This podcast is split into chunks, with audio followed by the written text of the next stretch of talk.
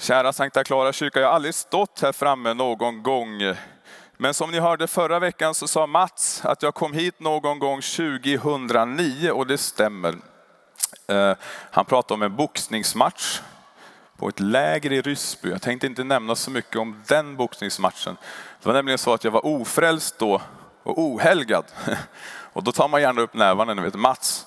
Han var ju mer helgad och from, hade varit präst många år och gått med Jesus sedan ungdomen. Och så våra liksom tankar och ord stämde inte riktigt överens. Så det blev en clash.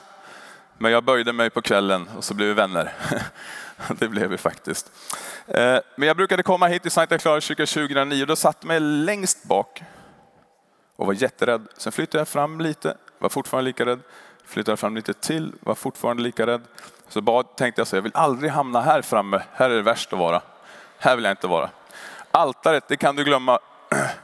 Så insåg jag efter några månader att man kan aldrig lura Gud. Det är bara Gud som kan lura dig.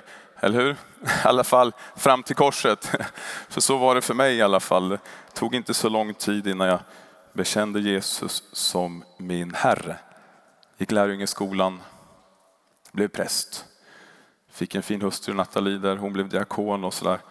Så kan det gå om man hakar på Jesu tåg. Hörrni, det är säkert flera av er som ska på någon kristen konferens den här sommaren. Jag har tänkt åka på någon, är det någon fler här inne? Ja, det finns några, vi har hört om tältmötet och annat. Kanske ska du till eh, oasmötet nere i Ljungby, eller hur? Det ligger i Småland. Eh, och man ska lyssna till Hans Weissbrott eller till Berit Simonsen eller någon annan duktig förkunnare eller undervisare. Och när man sticker på en sån här grej, då måste man ha någonstans att bo, någonstans att äta. Och finns det inte plats på campingen så måste man kontakta sitt kristna nätverk som ligger närmast Ljungby arena. Och då kanske man känner någon i Markaryd eller Älmhult eller någonstans där i Småland, eller hur? Man vill ju ha lite pendlingsavstånd till konferensen som är smidig och där man känner sina vänner. Och man kan säga att lite så är det för Jesus i dagens evangelium. Jesus och hans lärjungar är precis som vi sjöng i gradualsalmen på väg upp till Jerusalem för att fira påsken. Ni vet den stora påskhögtiden stod för dörren. Och även Jesus behövde sova. Även Jesus behövde ju äta. Eh, och då är det så passande att bara tre kilometer utanför Jerusalem, på Livbergets östra del, så ligger den lilla byn Betania. Och det är där som Jesus just nu är. Och läser man samma berättelse i Johannes evangelium så ser man att det inte bara Jesus och lärjungarna utan Lazarus ligger också till bords där. Och Marta, hon passar upp och grejar. Och Maria är också där. Maria, Lazarus och Martas syster. Och Maria är ju en av huvudpersonerna i den här berättelsen. Och för att förstå den här berättelsen lite mer så måste man veta vart i Jesu liv inträffar det här. Förra veckan var det prövningens stund. Jesus sändes ut av anden i öknen. Han hade ju tre år ungefär messiansk tjänst. Då var det precis i början av tjänsten, det var dagen efter, precis på dagen sändes ut. Kanske hade jobbat en promille av sin, sin tid eller något sånt där. Idag så är det längst ut på andra sidan. På en vecka så har vi hoppat tre år. Johannes, aposteln Johannes säger att det är sex dagar kvar bara till påsk. Det är alltså sabbat, palmsöndagen är fram, äh, morgondagen han rider in i Jerusalem. Och när jag räknade ut det här så har Jesus 0,55 procent kvar av sin messianska tid. Så det är ganska lite kan man tänka som Jesus har kvar. Det är bakgrunden in i evangeliet. Jesus befinner sig hemma hos Simon den spetälske och det skulle också kunna vara så att Simon är far till Marta, Maria och Lazarus. Det säger i alla fall Anders Sjöberg när man läser hans bok Korsets tecken. Det är en möjlig tolkning säger han. Och i sådana fall så är Jesus hemma hos mycket goda vänner. Det han har varit många gånger. Det är som att han är hemma i Markaryd eller Älmhult hos de bästa kristna polarna. Han ska bara till arenan liksom imorgon och fira lite grejer. Så skulle man kunna tänka sig att det var. Och lärjungarna ligger till bords allihopa. Eh, Lazarus ligger till bords och plötsligt där inne händer något spännande. En kvinna kommer in. Jag tog den här med mig. Den är från Sigtuna församling. Jag tror man brukar ha blommor i den. Det är vas. Det är ingen fin alabasterflaska. Men i alla fall, hon kommer in med den här. Så här kan man tänka. Den är väldigt dyr den här. Den kostar 300 denarer den här. Den har man importerat ifrån Indien. Man har plockat växten ifrån Himalayas berg, lagt ner den, fyllt på olja. Oljan har dragit ut doften av nardus. Sen har man tagit den på karavanvägar ner mot Mellanöstern, ända ner till Jerusalem och Israel. Och den har kommit i Marias ägo. Mm -hmm. 300 denarer, hur mycket är det Nils? 300 dagslöner och hur mycket är det med, med vanligt mått mätt? Ungefär 300 000 tror man kanske att den hade av värde. Det är väldigt dyrt. Den väljer Maria ut istället. Hon kunde ha tagit något annat balsam. Hon hade säkert någon olja hemma. Man brukade laga mat och sådär med olja. Men hon tog den här. Och lärjungarna som ligger till bords de tänker wow, vilken pangfest. Det är inte nog med att vi ligger till bords. Det är högtidligt när man ligger till bords. Nu kommer också Lazarus syster in med det mest dyrbara. Och det kommer hon tvätt, smörja oss med. För det brukar man också göra på fina fester.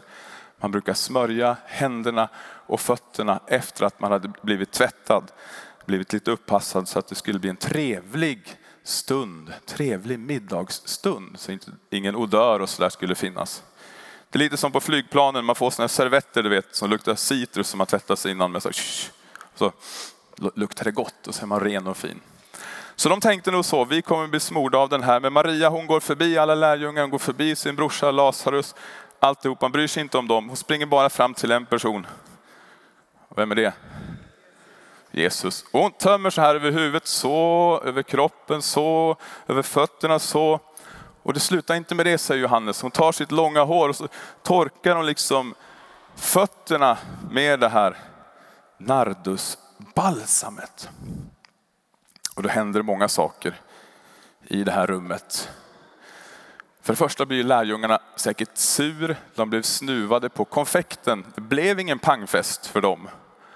Det var Jesus som var pangfesten, eller hur? Eh, så det var, tror jag, det ena. Sen var det många som inte förstod alls vad Maria gjorde. Så att de började gräla på henne, de började bli sur på henne, de började säga saker som, som gjorde henne verkligen ledsen. Trots att det var som Nils var inne på, det var den här kämpande tron i henne. Tron som hade drivit henne fram och göra den bästa handling som hon kunde göra denna kväll, denna dag i slutet av Jesu liv. Och det som Maria gör är att hon slösar väldigt mycket kan man tänka. Får man slösa? Får man slösa? Med vad då? Kärleken säger kyrkofäderna och Martin här med trumpet-Martin ni vet. Att kärleken får man slösa med, inte bara får utan skall man slösa med. Den är inte till för att hålla så här för sig själv. Den är till för att ges vidare, för att ösa ständigt ur. Och när man gör det så blir källan ännu friskare och ännu friskare och ännu friskare varje gång man öser ur kärlekens källa. Men om man slutar däremot att ösa så finns det risk att källan drar sig tillbaka. Vattnet blir stilla, kanske inte så levande längre. Det kanske till och med blir unket här på insidan. Och då kan man bli som lärjungarna, eller Judas i alla fall, i texten som börjar knorra lite, börjar klaga lite, börjar bli missundsam och börjar tänka på sitt eget. När han egentligen borde ha gjort tummen upp och sjungit halleluja även fast det är under fastetiden. För det var ju det som alla borde ha gjort. Så vad gjorde egentligen Maria för någonting då? Jo, egentligen så var det två tydliga saker som Maria gjorde. Och det första var att hon gjorde någonting som Nils gillar, en profetisk handling. Hon föregrep någonting som skulle komma att hända. Hon hade förstått. Hon hade tagit till sig Jesu ord. Hon hade suttit ner vid Jesu fötter och lyssnat noggrant. När de andra sprang runt och vevade och nästan sabbade det hela, ni vet som galenskaparna säger. Det finns en risk med det om man vevar runt för mycket. Hon satt ner och hon fick en profetisk smörjelse utav det här. Och hon visste att om Jesus nu dör som en kriminell om fem dagar, om han utelämnas och slaktas och döms, kommer han inte erhålla någon smörjelse alls. Därför att det var inga brottslingar som begravningsmordes alls. Och det kan man också se om man läser vidare i evangeliet. Kvinnorna är på väg på morgonen med myrra, väldoftande grejer och oljor och sånt. För de ville smörja Jesus. Därför att de trodde inte att han hade fått någon smörjelse. För det, man begravningsmord är all, aldrig de som var avrättade. Det var ju mest kungar och präster och sånt, eller de som var högt uppställda. Så det var det första som Maria gjorde. Hon gjorde en profetisk handling kan man säga. Lite som när man går på Fonus och ska välja ut en, begra- en kista och en svepduk och allt sånt där. Det var det hon gjorde nu innan Jesus hade dött. Det kan ju låta konstigt, men det var så som hon gjorde. Det andra var att Maria drevs av en kraftfull kämpande tro som gjorde att hon inte liksom tittade i mobilfacket så här, ja, här är en 20. Fast det är också en hundring och en femhundring i. Men jag lägger 20 i kollekten. Det räcker nog. Var Maria sån? Nej, det var hon inte.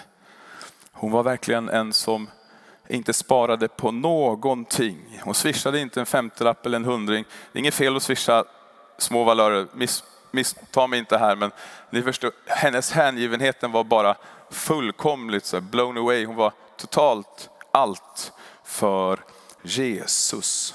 Och jag tror att Jesus vill ha församlingar som ger allt för honom. Så det, det var det andra som hon gjorde. Hon var en som verkligen gav allt tack vare sin stora, eller den här tron som drev henne på insidan. Och det som händer med Jesus då, det tror jag också är två saker.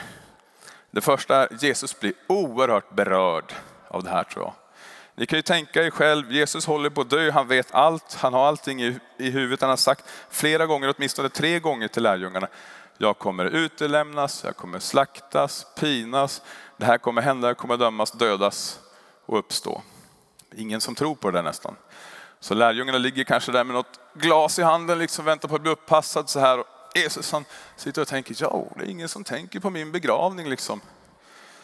Men eh, så dyker Maria upp, eller hur? En har tänkt på Jesus. En har inte tänkt på sig själv och få vinglaset fullt eller vad de drack den kvällen. Mat, vad det nu var för någonting och låg och väntade på att bli uppassad. En hade liksom blivit uppfylld av Jesu kärlek, blivit jätteberörd och nu besvarade hon kärleken. Det tror jag var en sak som hände med sig. Han blev oerhört berörd. Och sen tror jag, precis som alla lärare blir, som jag tror Nils och andra här diakoner undervisar också förstås, eh, då att man blir fantastiskt glad när en människa har förstått någonting i rummet. Liksom. Om Nils håller på med helig ande-kurs här i tre år och så säger han, kan ni något om den heliga ande? Så, ja, kan inget. Vi har liksom inte tagit in det där. Han vill ju höra, men det är den tredje personen i gudomen. Han kan vara här och nu och hela dig och han kan göra det här och han är hjälparen. Det är det Nils vill höra. Och det är lite det också som Jesus tror jag blev så glad över att få höra att någon hade liksom tagit in hela budskapet och förstod detta. Jag var på en resa till Walsingham i England förra året. Några ungdomar som är där var med. Och när vi åkte buss, det var en ganska lång bussresa i England, vi åkte först flyg, så hade jag köpt en sån här billig bok för fem eller tio kronor på en sommarkonferens. Och tänkte den ska jag läsa, det kanske blir kul läsning. Det handlar om en församling Eh, och den församlingen eh, lyckades på 80-talet samla in en kollekt som i alla fall då var den största kollekten sa man. Den var på 4,5 miljoner kronor. Ganska mycket på 80-talet. Men det som jag tycker var mest häpnadsväckande och det som var roligt faktiskt, jag visade Josef satt i bilen där samtidigt, så jag visade han där, det var det att det kom inte bara in pengar, utan någon gav en bil också. Någon gav smycken.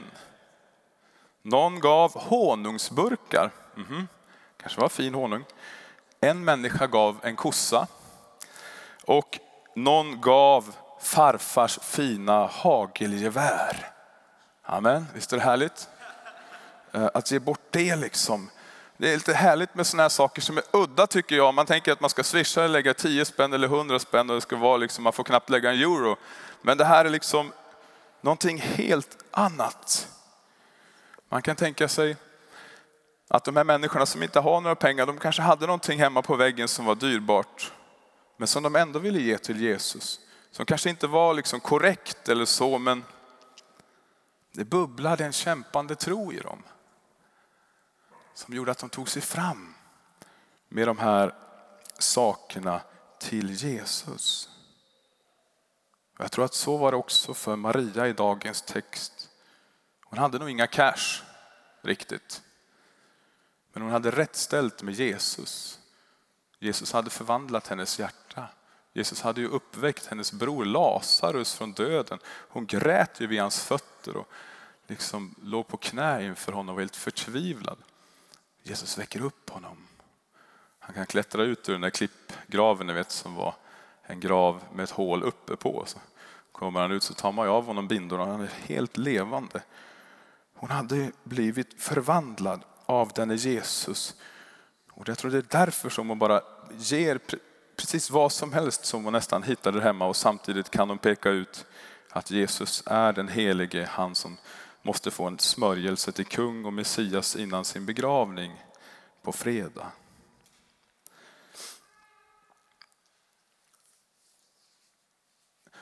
Och jag tänker att det som hände i Betania där, det står att det spred sig en doft. Då, då, kanske man tänker att det var det som var det starka i Maria, den här doften som spred sig. Och det var det faktiskt. Inte just från nardusen, men den doften som kom ur hennes hjärta, den här Kristusdoften, den här rökelsen, den här väldoftande rökelsen som Gamla Testamentet talar om, som stiger upp till Gud, ni vet, som behagar honom. Den rökelsen som Aron tände i tabernaklet varje morgon. Det var en sån rökelse som hon var. Jag tänkte fråga Josef om du kan komma fram lite snabbis. Han blir alltid orolig när jag säger sånt där, så peppa upp honom. Woho! Josef, kom, kom. Han vet ingenting om det här. Eh, du kan ta den där VL4 står på den. Josef, vad håller jag i min hand för något?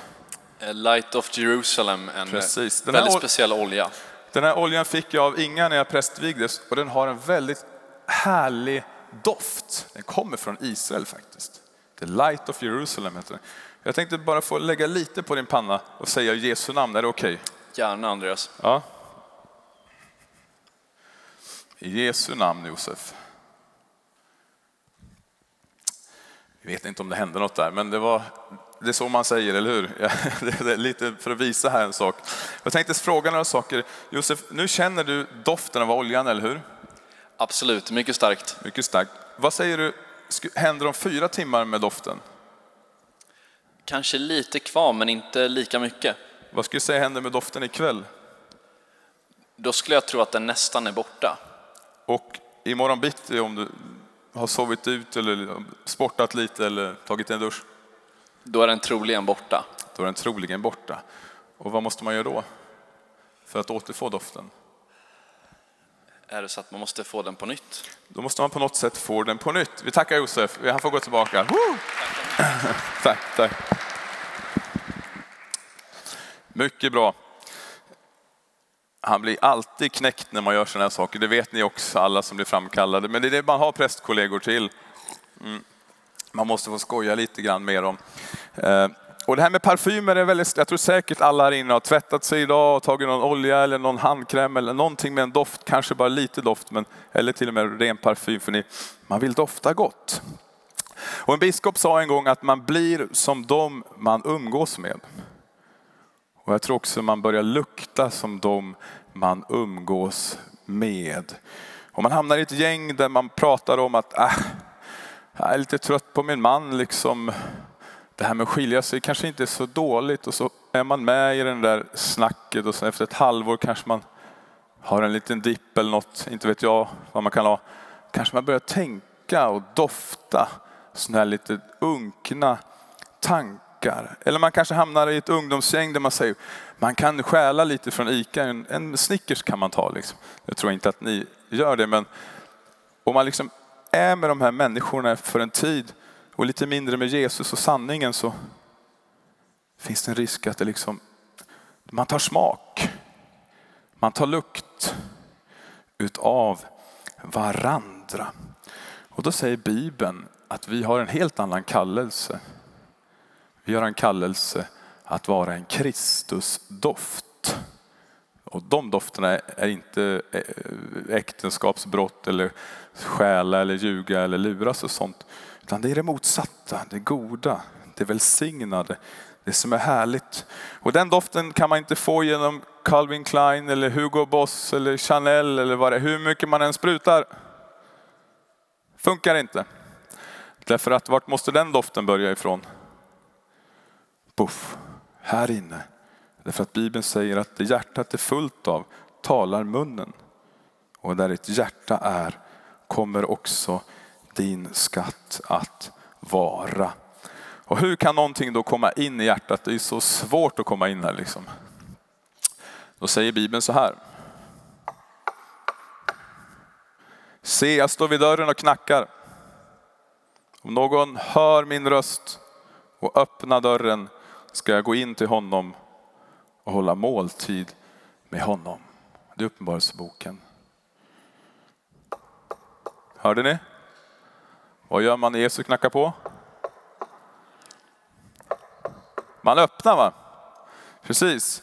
Därför att om man hör rösten och han när han knackar på så måste man åtminstone glänta lite på hjärtats dörr. Så Jesus kan börja sippra in där och, och liksom ta bort. Det blir som för mig, ni vet, man flyttar fram, man flyttar fram, man flyttar fram, man flyttar fram. Slut köper man ett kors, man kanske blir präst.